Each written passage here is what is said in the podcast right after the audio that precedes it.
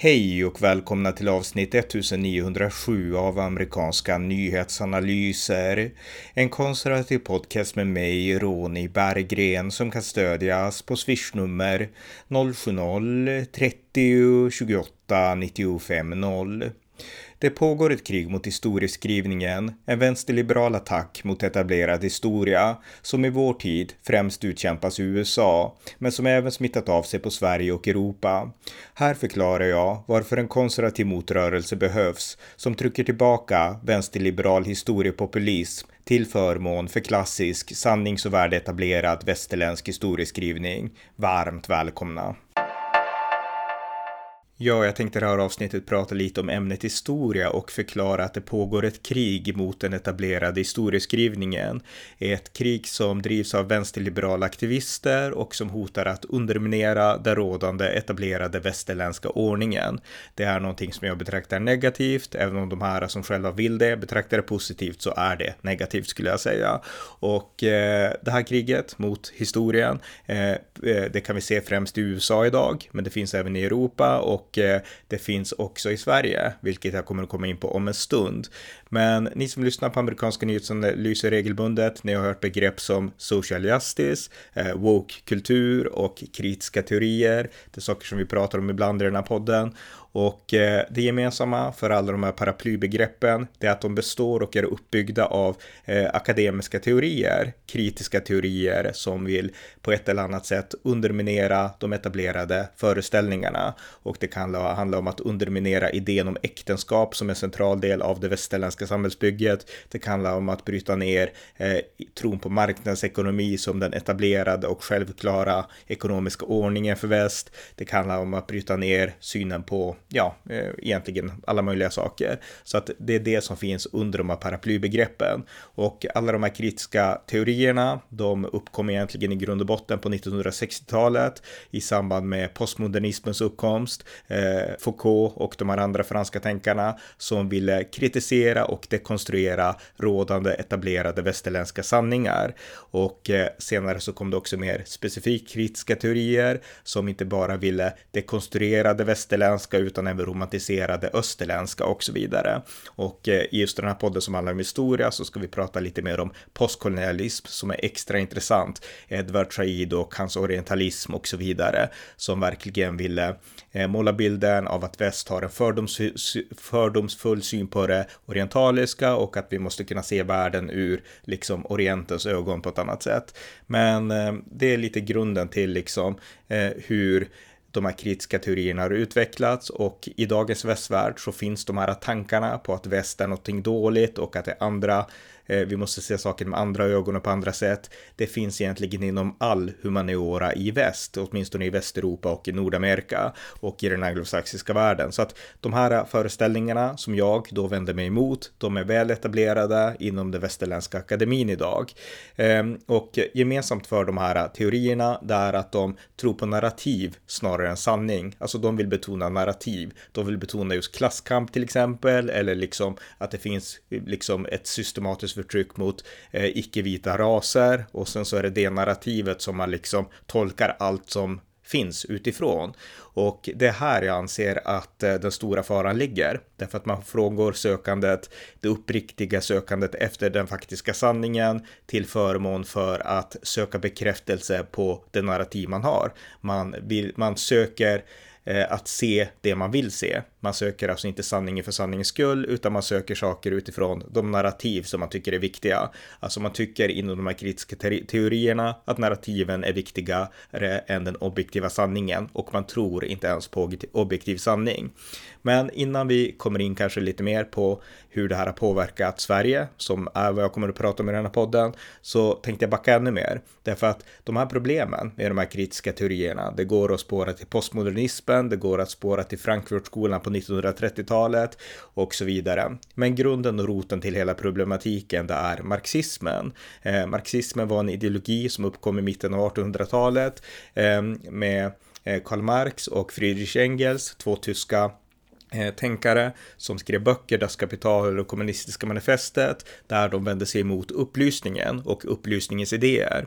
Upplysningen var ju på slutet av 1700-talet och den kanaliserades främst genom två revolutioner, den amerikanska revolutionen 1776 och den franska revolutionen 1789. Och båda de här revolutionerna hade idén om frihet som centrala teman med lite olika ingångsvärden. Den amerikanska revolutionen betonade att friheten kom från Gud och att det var regeringars uppgift att väck, värna den här friheten för medborgarna, men friheten kom från Gud. Den franska revolutionen var mer sekulär och menade att friheten var ett mål för mänskligheten att nå fram till och det var mänsklighetens sak att liksom kämpa för frihet mot en förtryckande kyrka och så vidare. Så att eh, lite olika ingångar, men det gemensamma temat var ändå frihet där under upplysningen på slutet av 1700-talet och det här skulle påverka stora delar av världen i många årtionden framåt. Men Karl Marx, han vände sig emot eh, tanken på att det var idén om frihet och idéer som drev historien framåt och menade att eh, världen består av materia, det är materialism och eh, det som driver historien framåt, det är hur man förhåller sig till det materiella, mer specifikt hur man förhåller sig till produktion och eh, det är konflikten, kampen om det materiella, konflikten mellan eh, produktionsägare och arbetare, det är den konflikten, den inneboende konflikten som gör att historien tar olika språng framåt. Och enligt Marx så kunde man spåra det här ända tillbaka till samlarsamhället när man jagade och samlade, vidare till feodalsamhället och vidare till den moderna kapitalistiska ordningen. Så att det fanns olika eh, saker man kunde studera historien. Man kunde enligt Marx studera historien på samma sätt som man kunde med naturvetenskap studera naturlagar. Och då kunde man se att den här klasskampen och den här historiska materialismen som man kallade sin modell, eh, att den driver liksom historien framåt. Och då gäller det att ställa sig på den rätta sidan, på den förtryckta sida, mot förtryckarna. Eh, så att det är lite grunden i Marx, Marx teori. Och den här teorin vänder jag mig helt emot. Jag står helt i det här upplysningstänkandet. Min stora filosofiska idol är Thomas Jefferson, en av USAs författningsfäder. Så att jag tror att historien drivs av frihet, eller åtminstone idébaserad historia. Det är det som driv, driver liksom världshistorien framåt. Det är inte det materiella primärt, även om det såklart är en komponent i utvecklingen. Men jag har inte det marxistiska perspektivet.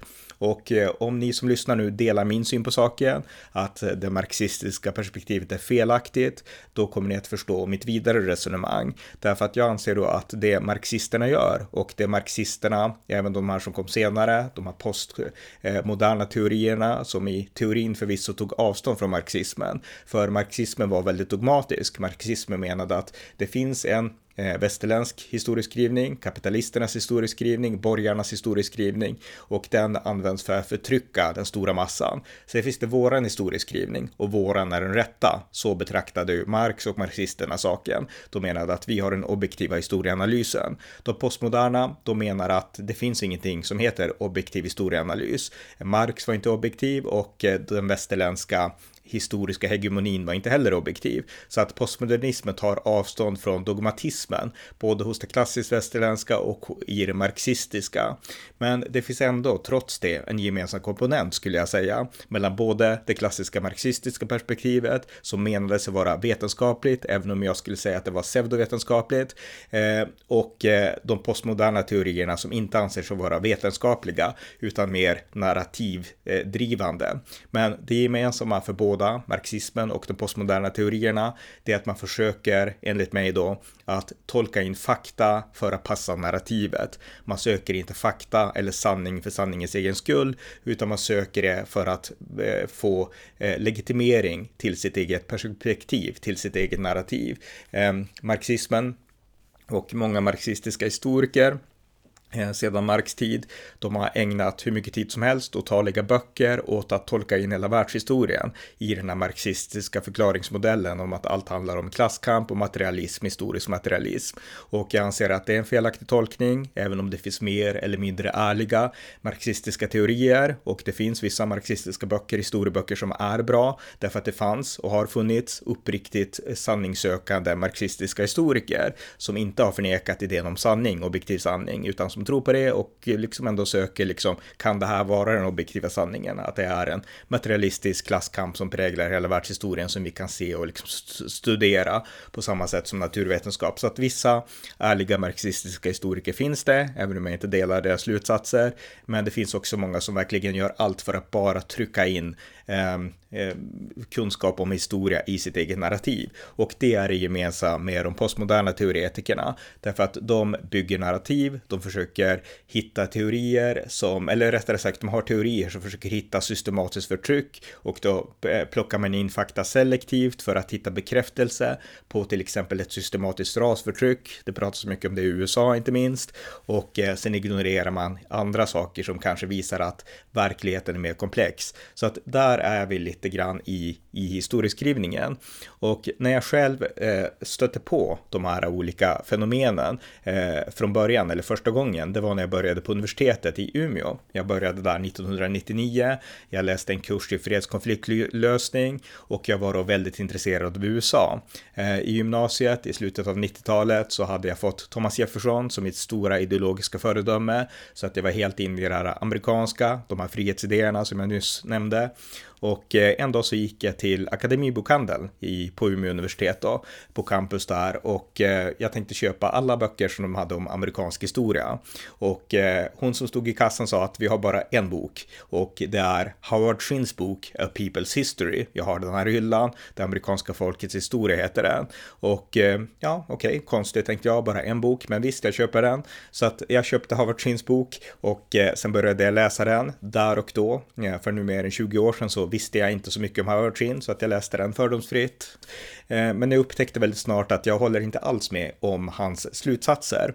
Därför att här har vi en person som jag sen kom fram till var marxist som beskrev den amerikanska historien väldigt snävt. Ungefär som att den amerikanska historien var en historia av förtryck och att alla, även författningsfäderna, de arbetade bara för att stärka sitt eget privilegium och utnyttja de fattiga, de svaga arbetare och köra över liksom ursprungsbefolkningen. Det är lite det som är Howard Chins idé i den här boken då, det amerikanska folket folkets historia.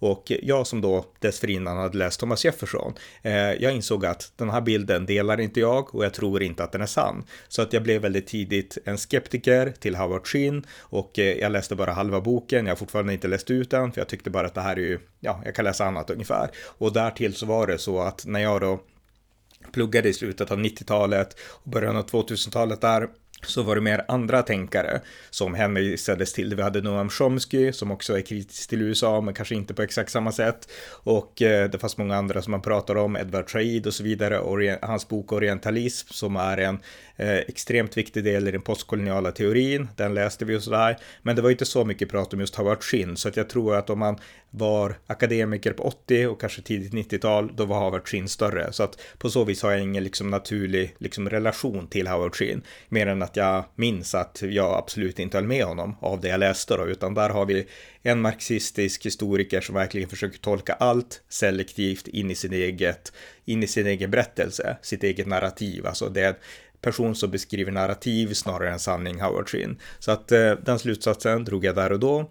Och eh, där och då på, på universitetet, jag kan säga det också, då var det så att eh, de flesta av mina kompisar som var marxister, de kunde kanske ha Howard föreställningar. Och det fanns i de här böckerna som kom från vänsterförlaget Ordfront, otaliga liksom beskrivningar av USA, exakt på samma sätt som Howard Chin, men eh, det var ju bara kommunisterna som läste de böckerna, inga andra läste dem, så att det var inte så där jätteintressant, utan det var en nischad grej och ibland kunde man debattera, jag citerade Thomas Jefferson och mina klasskamrater citerade Marx och hänvisade till Che Guevara kvar och så vidare.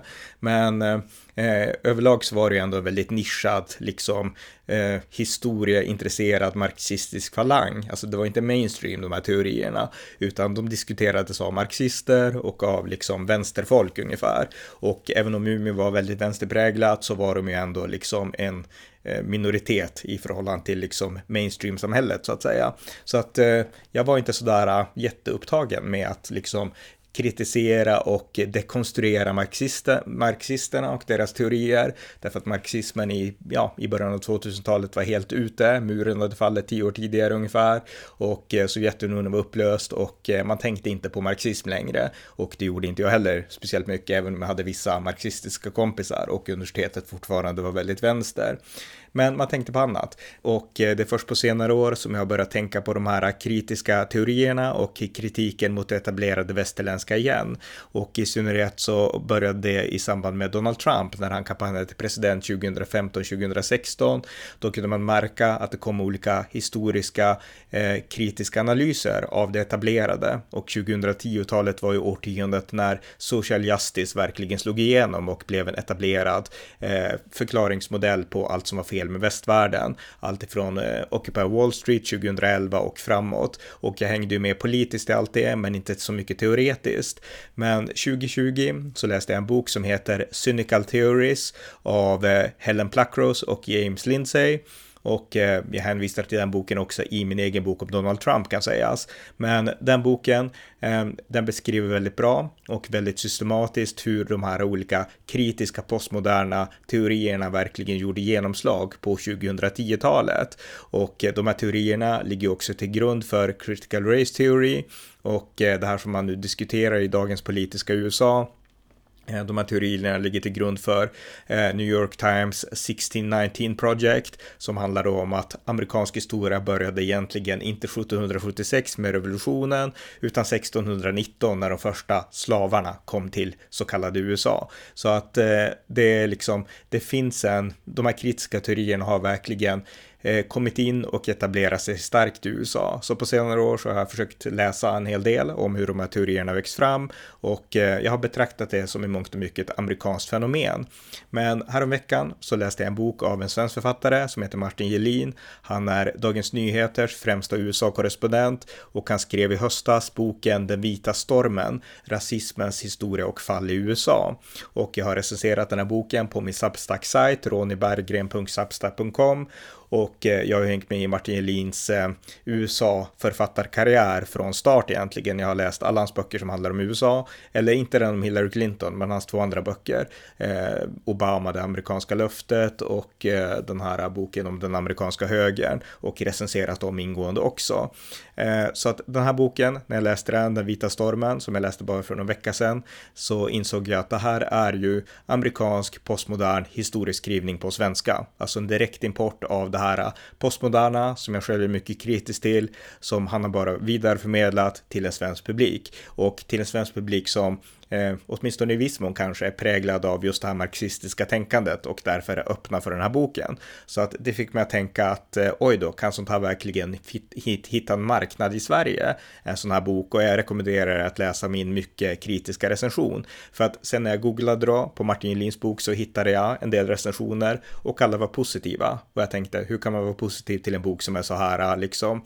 Alltså det här är ju liksom en, man kallar det ju inte narrativ, jag sa narrativ tidigare, man kallar det diskurser inom de postmoderna teorierna. Man gör diskursanalyser och så vidare. Och det här är ju liksom en diskursdriven bok, en bok som bara liksom vill eh, driva ett narrativ om att rasism är USAs röda tråd, alltså en upp, uppgraderad variant av Harvard Shins teorier då. Och eh, eh, helt i liksom linje med The 1619 Project och jag tänkte finns det ingen som ser igenom det här i Sverige? Och eh, jag googlade efter recensioner och alla var positiva, vilket jag fann otroligt besynnerligt. Så att eh, jag skrev min egen kritiska recension då och eh, det har fått mig nu de senaste veckorna att fortsätta läsa lite grann, för jag vart faktiskt förvånad över att eh, den uteblivna den kritiken. Och i samband med att jag läste och eh, forskade lite så hittade jag en bok från 2010 tror jag, en bok som heter Historieundervisningens utmaningar, historiedidaktik för 2000-talet och det var från 2011 och boken är utgiven av Glerups förlag och skriven av en svensk akademiker som heter Vanja Lusik.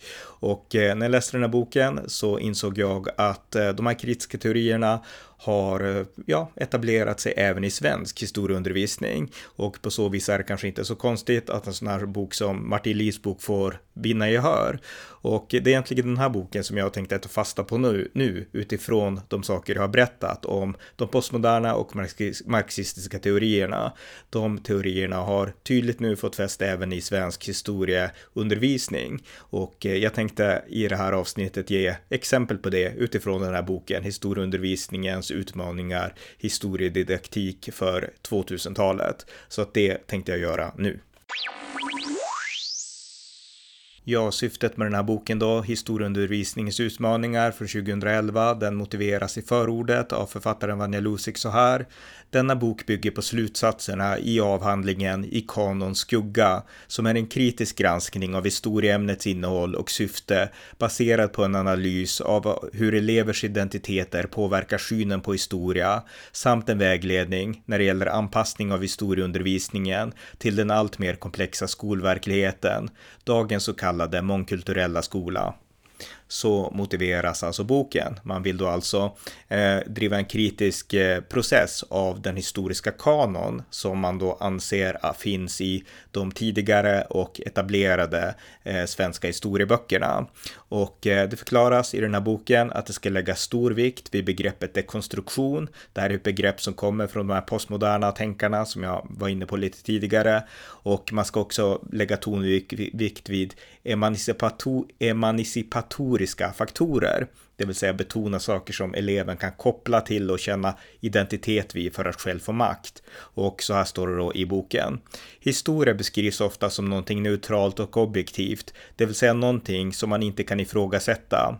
Dekonstruktionsmetoden gör det möjligt att visa på de processer varigenom vissa individer och grupper beskrivs i negativa termer och eh, i andra positivt ljus. Utgångspunkten är att dekonstruktion av historia kan avslöja processer där historia reproducerar makthierarkier. Så jag menar, här har vi ju en marxistisk förklaringsmodell egentligen rakt av, fast där man då betonar andra saker som eh, ja, sociala faktorer och så snarare än klass. Men alltså just det med makthierarkier, det finns ju inom marxismen också. Och eh, vidare så ifrågasätts i den här boken då idén om en historisk kanon, alltså ett exempel, nu hittar jag bara på från huvudet, men en svensk historisk kanon. Vi har Gustav Vasa, det han gjorde, vi har liksom svensk historia, parlamentarismens genombrott, kvinnorörelsens genombrott, socialdemokratin, den svenska välfärdsstaten och eh, en modern progressiv nutid, alltså kortfattat svensk historia. Och eh, man kan säga att det är den historiska kanon som alla svenska elever ändå måste lära sig för att det är vår svenska historia. Och eh, idén om en historisk kanon ifrågasätts i den här boken. Jag citerar. Kanonisering är en process varigenom man bidrar till upprätthållandet av hegemonisk makt över kunskapsproduktionen. I USA har den västerländska kanon ifrågasatts av så kallade etniska minoritetsgrupper, homosexuella, kvinnor och andra underrepresenterade grupper. Så det förklaras om kanon, alltså man ifrågasätter då idén om just en kanon. Och eh, det intressanta då är att det här eh, togs faktiskt upp i i skolplanen, kursplanen från 2011 och då var det ju Alliansen som styrde med Jan Björklund som utbildningsminister tror jag. Och eh, där så eh, skrev man då i den här nya kursplanen att man hade ersatt eh, eh klass begreppet klass med social bakgrund. Så att det är ju liksom marxistiska förklaringsmodeller i en uppgraderad version, precis som fallet är i de här postmoderna teorierna, där man inte heller pratar om klass, utan man pratar hellre om ras, om kön och sexuella minoriteter och liknande. Men man använder ändå en, eh, ja, en i viss mån marxistisk analys för att bekräfta sina egna narrativ, det jag också var inne på förut. Sen så skrivs det återigen mer om det här jag var inne på, emancipation. Eh, emancipatorisk historieförmedling är en viktig faktor. En av de intervjuade lärarna. Historieundervisningen bör behandla sociala orättvisor samt arbetarhistoria, genusfrågor och etniska relationer. Och det handlar om att emancipation ger eleven makt. Om den är utsatt och stigmatiserad så får den makt och man kan säga social justice power får man. Alltså social justice power, inte bara black power utan. Eh, och sen så beskrivs det också som eh, intersektion intersektionalitet det vill säga när man ska undersöka skärningspunkter mellan olika maktmekanismer och hur de interagerar för att på så vis kunna avslöja eh, ett dolt förtryck av minoriteter och andra. Det här är ju känt från den amerikanska forskningen om de postmoderna teorierna. Sen pratas det också om erkännandets politik. Det står så här. Enligt erkännandets politik, som bland annat filosofen Charles Taylor företräder, bör olika underordnade, rasifierade och etnifierade grupper erkännas så att dessa grupper kan motverka den underordning och de negativa självbilder som den påstådda marginaliseringen har lett till. Och det innebär till exempel att man borde ha en mer afrocentrisk historiebild. Och jag citerar igen. Historikern Dissep eh, menar att man i den modernistiska historieförmedlingen sätter Europa i centrum och indirekt reproducerar idén om den europeiska världsdominansen. Han förklarar att en central angelägenhet för historieförmedlingen och forskningen är att försöka överbrygga den eurocentriska metaberättelsens dominans. Så att här har man då en kritik mot att eh, historieundervisningen i Europa och i Sverige är så Europacentrerad. Och eh, sen finns det då ett erkännande av att även etablerade historiker eller även den historieundervisning som den är, eller som den var då för tio år sedan, har försökt tillrättalägga vissa av de här sakerna genom att applicera något som kallas för tilläggsperspektivet. Och det här tilläggsperspektivet, jag citerar, öppnar upp för ett erkännande av elevernas särskilda intressen inom ramen för ett gemensamt historieämne, tar hänsyn till elevernas etniska och andra identiteter. Det här innebär alltså att man inte man plockar inte bort berättelsen om Gustav Vasa, berättelsen om välfärdssamhällets framväxt, utan man lägger bara till med lite betoning kanske på Mellanösterns historia och eh, sådana saker. Och när jag själv pluggade på universitetet, det jag berättade om på slutet av 90-talet och 2000-talet, då fanns det på universitetsnivå tydliga tilläggsperspektiv och det var främst två på den tiden. Ett så var det att man skulle alltid ha ett feministiskt perspektiv på allt, allt man läste. Det, om man hade en kurs i ja, man kunde ha en kurs i valfritt ämne om historia och så kom det in en gästföreläsare på sista lektionsdagen och höll en två eller fyra timmars föreläsning om det feministiska perspektivet på just det vi hade läst en kurs om. Eller så kom det in någon som hade ett islamiskt perspektiv, Mohammed Faisal Hashemi var en lärare som jag hade som gjorde det, som alltid skulle ge ett islamiskt perspektiv oavsett om jag, jag läste en kurs om sexualitet, sexualitetens idéhistoria och då kom man in där och skulle hålla ett islamiskt perspektiv på sexualitet till exempel. Så att det var islam och det var feminism, där skulle man ha tilläggsperspektiv. Så var det på min studenttid, så att det här är jag väl bekant med. Men i den den här boken då, historieundervisningsutmaningar, så lyfts det fram att det finns de som är kritiska till tilläggsperspektivet, just därför att det bara är ett tillägg eh, och som hellre vill se någon slags ersättning. Och eh, så här skriver då författaren eh, Vanja Lusik. Eh, enligt Sean V. Scott öppnar det så kallade tilläggsperspektivet för alternativa tolkningar, det vill säga historiska skildringar som inte har fått utrymme i den stora berättelsen. Men trots tilläggsperspektivets positiva sidor är Scott kritisk till modellen som upprätthåller dikotomin mellan å ena sidan den historia som anses vara universellt giltig, den så kallade generella eller allmänna historien, historisk kanon om man så vill, och å andra sidan den historia som endast anses angå enskilda individer och grupper. Vidare framhåller Scott att tilläggsperspektivet inte avslöjar de maktstrukturer som skapas och upprättas av en sådan ordning. Därför förespråkar hon dekonstruktion så beskrivs då eh, tilläggsperspektivet att det är, det är ett tilläggsperspektiv som inte är tillräckligt. Ehm, sen så pratas det också i den här boken då om mångkulturalismen och de utmaningar som det innebär. Och där finns det också en kritik mot det västcentrerade i, i den etablerade historieundervisningen. Och jag citerar igen. Det kritiska röster som genomsyrar ungdomarnas reflektioner åskådliggör att de har förmågan att dekonstruera den gällande synen på historieskrivning. Exempelvis har en av de intervjuade ställt frågan om historieundervisningen måste se ut som världen framställs på världskartan, nämligen att Europa alltid står i centrum. En trolig förklaring till elevernas kritiska inställning är att många ser asiatiska länders, framförallt Kinas, potentiella ekonomiska expansion som en viktig anledning till att utveckla kunskaper om omvärlden och ifrågasätta västvärldens påstådda kulturella dominans. Så att här var alltså återigen kritik mot att historieundervisningen är så eurocentrisk. Och eh, sen så finns det också en kritik då som riktas mot de rådande, eh, på den tiden för tio år sedan drygt, rådande skolböckerna. Läroböckernas struktur, nationen och dess medborgare står i fokus och nationen är en given referensram utan vilken det verkar vara svårt att skildra migrationshistoria. Nationen och de nationella gränsdragningarna ifrågasätts aldrig. Det uppfattas så att säga som naturgivna. Men däremot ifrågasätts medborgarnas presumtiva främlingsfientlighet. Det är följaktligen Sverige som står i centrum. Samtidigt ger invandringens och immigrationshistorien ett viktigt stöd till de grupper som på grund av gränsöverskridande rörelser befinner sig vid nationalstatens marginal, utkantgräns och således måste kämpa för att bli erkända som historiska aktörer. Och eh, Ja, här kritiseras då att eh, Sverige står i centrum och eh, eh, det erkänns förvisso att, eh, att man pratar om vi och dem och det, det görs kritiskt, men att man ändå försöker på något sätt vara emot rasism.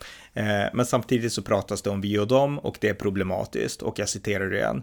Genom att göra anspråk på att definiera oss och dem och genom att upprätthålla och betona de föreställda skillnaderna mellan den norrformerande gruppen och den som beskrivs som annorlunda upprätthåller man vissa maktförhållanden. Alltså det är hela tiden den här centreringen på diskurser, maktförhållande, de här marxistiska och även postmarxistiska analyserna där man då ska analysera och kritiskt granska makt. Och eh, det är det som är liksom fokus är. Och eh, man går också vidare och kritiserar idén om att man i skolböckerna inte tycks bejaka öppna gränser. Den fria rörligheten över nationens gränser är fortfarande inte eftersträvansvärd, i alla fall inte för dem som kommer från länder utanför EU. Oavsett om läroböckerna skrevs på 1960 eller 2000-talet och handlar om emigrationen eller immigrationen, så är det alltid nationalstaten Sverige som står i centrum för berättelserna. Här finns potential för förändring. Gemensamt för samtliga berättelser om efterkrigstidens immigration är att man har upprätthållit idén om att kulturella och normbaserade skillnader mellan invandrare och svenskar existerar och är, är generationsöverskridande. På så sätt har berättelserna bidragit till reproduktionen av vissa diskriminerande diskurser. Så där betonar man då att det är rasistiskt att betona olikheter mellan svenskar och invandrare när invandrarna är födda i Sverige. Eh, så här tio år senare så tycker jag att man kan ändå se en kulturell skillnad mellan invandrare och ättlingar till invandrare och ättlingar till historiska svenskar. Det finns kulturella skillnader, men när man när man tittar sakligt på saken. Men när man bara gör diskursanalyser, då kan man dra de här slutsatserna som den här författaren Vanja Lusik gör då. Sen drar boken vissa slutsatser. Jag kommer in på sista kapitlet nu och eh, jag citerar igen. Till följd av den nya skolreformen och 2011 års omstrukturering av lärarutbildningen har behovet av en bok som lyfter fram de nya utmaningar som lärare står inför aktualiserats. Denna bok erbjuder en översyn av några viktiga historiedidaktiska teorier och begrepp som har satt sin prägel på aktuella kursplaner i historia och historiedidaktisk forskning. Genom att avslöja de diskurser som är dominerande i en historieberättelse och de tolkningar som utesluts kan man förändra samhället och dess historiesyn.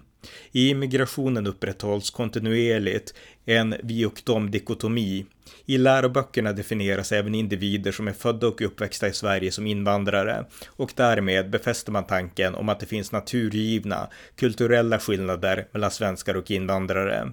Metoderna dekonstruktion och diskursanalys kan med fördel användas i historieundervisningen för att bättre möta och utveckla ungdomars kritiska förmåga. Det är från det sista kapitlet då. Så att där har ni en kort sammanfattning av den här boken, historieundervisningens utmaningar, eh, historiedidaktik för 2000-talet från 2011 av Vanja Lusik, utgiven av Glerups förlag. Så jag ska nu göra några reflektioner om den här boken och eh, utifrån det jag berättade tidigare.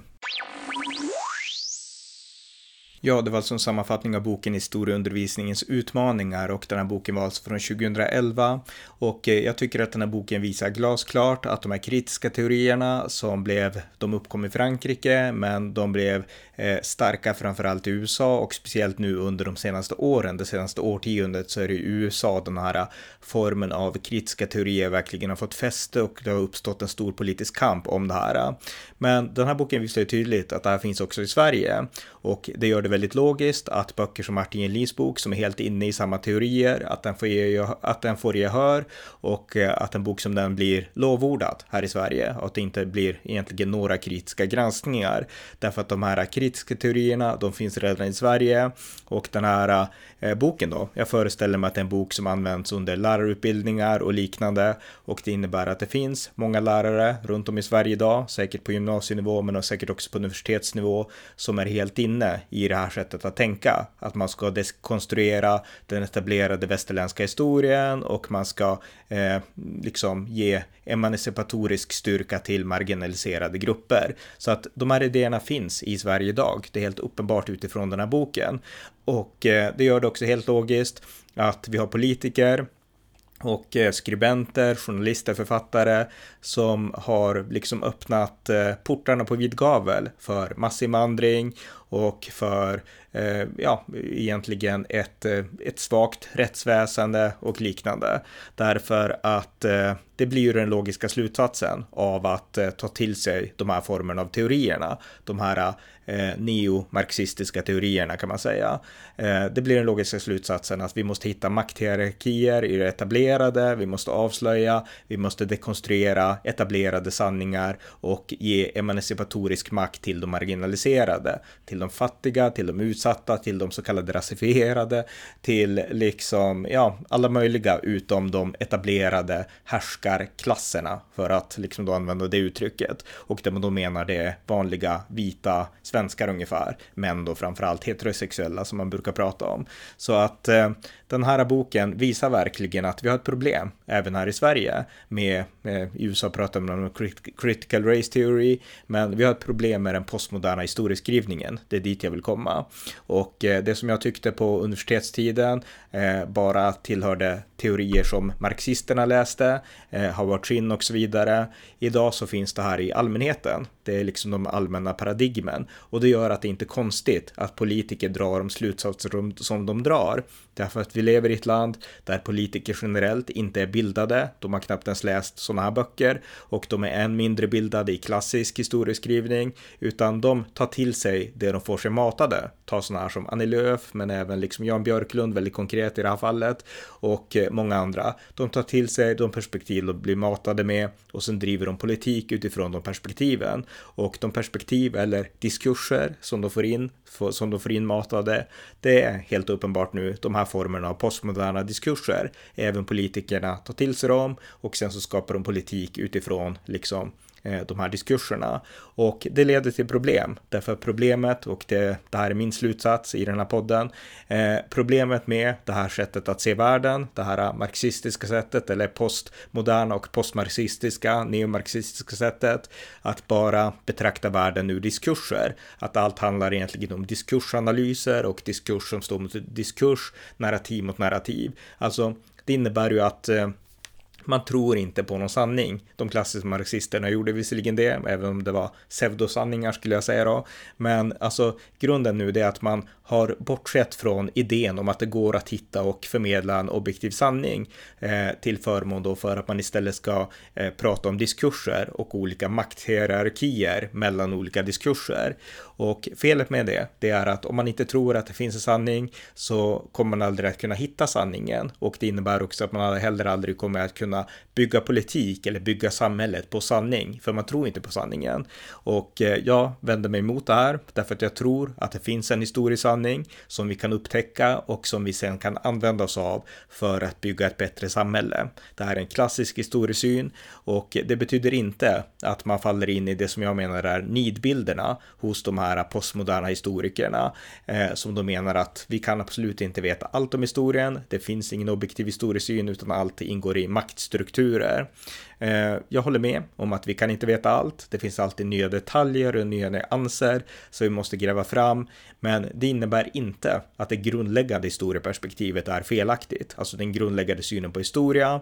I USA så har vi ju synen på revolutionen som är frihetsrevolution. Det är ett faktum att det i grund och botten bara var vita män som fick rösta. Det, det är liksom ett historiskt faktum som alla vet. Men det betyder inte att det var så för att det var en maktstruktur eller en makthierarki som måste avslöjas och dekonstrueras, utan det betydde bara att det var så av andra anledningar och eh, att sen andra blev eh, emanciperade, för att använda det ordet, in i det amerikanska. Så att eh, det finns alltid nyanser som man kan lägga till till historieskrivningen, men Eh, bristande eh, nyanser och eh, liksom perspektiv man ännu inte hunnit gräva fram innebär inte att den etablerade historieskrivningen kan dekonstrueras eller bör dekonstrueras. Och eh, det finns i den etablerade historieskrivningen, även om den inte är perfekt, en röd tråd som har byggt upp eh, samhället på en vettig fungerande grund. Och vi kan se, jag menar det klassiska är marknadsekonomin, marknadsekonomin kontra marxismen. Eh, man kan leka med teorin att marxismen har rätt i sin historiska materieanalys, eh, men jämför man i praktiken marxismen med marknadsekonomin så står det glasklart att det är marknadsekonomin som bygger stabila samhällen, som lyfter ekonomin och som lyfter människor från lidande, från fattigdom in i välfärd. Inte varje enskild individ, men i marxismen så är det tvärtom. Det är vissa få enskilda individer som blir rika och alla andra blir fattiga. Så jag menar, eh, inget perfekt system finns, men det är ett faktum, ett empiriskt faktum att marknadsekonomi fungerar och det spelar ingen roll hur man än leker med liksom diskurs Eh, analyser. Det här är ett faktum och det är ett faktum som man kan studera och ta fasta vid historiskt. Så att vi måste verkligen mota tillbaka det här vänsterliberala postmoderna kriget mot historien. Därför att det hotar verkligen att underminera västvärldens fundament. Och nu så anser jag att vi kan se det i massinvandringen. Massinvandringen är en konsekvens av att politiker och journalister har fastnat och eh, slukats av de här eh, kritiska marxistiska teorierna. Teorier som i grund och botten botten avskyr väst, avskyr det västerländska, vill bryta ner det västerländska och romantisera allt annat, i synnerhet utanför Europa. Och det är det som har gjort att vi nu, på grund av att Politiker och journalister har analyserat världen utifrån diskurser, har fått en massinvandring som i teorin borde vara fin för det borde fungera, den borde skapa jämlikhet istället för makthierarkier och så vidare. Men i praktiken så har det lett till kaos och laglöshet och eh, till problem som de här eh, ansvarslösa historikerna aldrig någonsin tog i akt, skulle jag säga. Så att det är hög tid för en konservativ motrörelse och en sån rörelse med historia som eh, utgångspunkt måste ta fasta på det som de här eh, diskursanalytikerna aldrig tar fasta på. Dels sanning, att det finns en sanning, en objektiv sanning som vi kan ta fasta på i våra egna analyser och därtill också att det finns värderingar som är bra och dåliga. Alltså Eh, det är ett faktum att olika kulturer har olika värderingar eh, och om man bara lyssnar på de postmoderna analytikerna då är alla värderingar vare sig mindre eh, bra eh, än någon annan eller liksom bättre eller sämre än någon annan. Eller eh, de kanske till och med att man, man anser att de västerländska värderingarna är sämre och de exotiska värderingarna bättre. Men som konservativ historiker så måste man utifrån empiriska slutsatser anser jag betona att de västerländska idéerna är är bättre än andra idéer. Det är i väst idéerna om demokrati har växt fram, det är i väst idéerna om jämlikhet mellan män och kvinnor växt fram, för att bara nämna några exempel. Och det är i väst framförallt som idén om individualism, individuell frihet har växt fram. Det har inte funnits i de andra stora kulturerna. Så tror man på det, på de här sakerna som individualism, kvinnors jämlikhet och demokrati och så, så är det västerländska idéer och västerländska värderingar man måste lyfta upp. Man kan inte lyfta upp Kina, man kan inte lyfta upp islamisk civilisation, eh, därför att där finns inte samma värderingar. Så att eh, som konservativa historiker, om vi ska mota tillbaka den här eh, woke-historien, så då måste vi ta fasta vid de här två sakerna.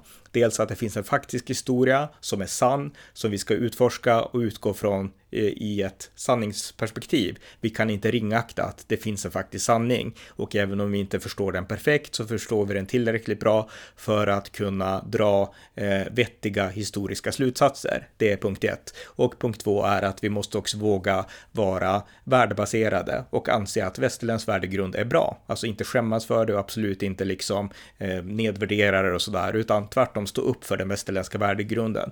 Västerländsk värdegrund är bra och eh, andra värdegrunder bör analyseras kritiskt utifrån den sunda västerländska värdegrunden. Det här är alltså ett helt motsatt recept från dekonstruktion som jag då förmedlar och eh, jag anser då att invandrare och de som kanske inte historiskt är inkluderade i den här värdegrunden som finns i väst, de blir i alla fall om de vill. Och bästa sättet att kunna bli det, det är ju liksom att ta till sig den västerländska synen, att västerländska värderingar är bra värderingar. Och gör man det, då blir man inte utsatt för rasism, inte i USA och inte i Sverige, utan då blir man en del av det västerländska. Och eh, det de här gör, de här postmoderna marxistiska historikerna, det är att de gör det marxister alltid har gjort. De försöker skapa en massa som bryter med det som är den föreställda fienden. I Marx, på Marx tid så var det borgarna och eh, i vår tid så är det eh, de etablerade hierarkierna, alltså Eh, ja, vita män och, och så vidare och eh, etablerade föreställningar, marknadsekonomi och sådär. Och eh, man använder massorna för att få massorna att känna sig eh, avskärmade från det här etablerade. Alltså man försöker få massorna att, av, att känna sig som den etniska minoritet man tillhör. Man ska identifiera sig med det. Man ska identifiera sig med någon slags eh, eh ja, Eh, sexualitet som inte är mainstream och så vidare. Och sen ska man känna sig stigmatiserad och utanför. Och när tillräckligt många känner sig så, då blir de perfekta redskap för att hamra ännu mer på det etablerade västerländska perspektivet. Så att sådana här historiker, precis som marxisterna, de utnyttjar massan. De försöker skapa en massa som känner sig som proletariatet och sen så försöker de använda den massan för att hamra på det så kallade etablissemanget, den västerländska hegemonin. Så att de här historikerna är egentligen cyniska. De menar sig försvara utsatta, de menar sig försvara minoriteter, men på samma sätt som marxisterna så bryr de sig inte om minoriteter alls i praktiken, utan ofta så lever de här välbärgade liv, de har oftast eh, privilegier, de är oftast anställda, de tjänar pengar, akademikerna gör det. Och eh, sen använder de massorna för att få massorna att känna sig eh, stigmatiserade, utsatta och sen skapa liksom ett ja, ett hämndbehov, ett hämndbegär mot, mot etablissemanget och mot den så kallade västerländska hegemonin. Så att det här är marxism egentligen, en ny form av marxism som som precis som marxismen alltid har gjort hamrar mot det klassiskt västerländska och det är det som vi som konservativa måste mota tillbaka. Vi måste nu mer än någonsin stå upp för det västerländska i en tid när det stormar i världen och eh, steg ett att göra det, det är att ta tillbaks historieskrivningen och eh, gå emot de här eh, postmoderna historikerna som helt enkelt driver ett krig mot vettig, sansad och sann historia. Så att det är det som är mitt budskap i den här podden. Konservativa måste mota tillbaka the war on history. Och eh, för att citera Floridas guvernör Ron DeSantis, eh, woke dies here, eller vad han nu brukar säga, liksom. Alltså, vi måste se till att det, det här får ett slut, helt enkelt. Eh, den här eh, Woke-inspirerade social justice historieskrivningen. En konservativ historieskrivning behövs som upprättar och återupprättar den västerländska historien. Tack för att ni har lyssnat på amerikanska nyhetsanalyser, en konservativ podcast i det vänsterliberala svenska mediebruset som kan stödjas på swishnummer 070-30 28 95 0 eller via hemsidan på Paypal, Patreon eller bankkonto. Skänk också gärna en slant till valfri Ukraina-insamling. Vi hörs snart igen. Allt gott tills dess.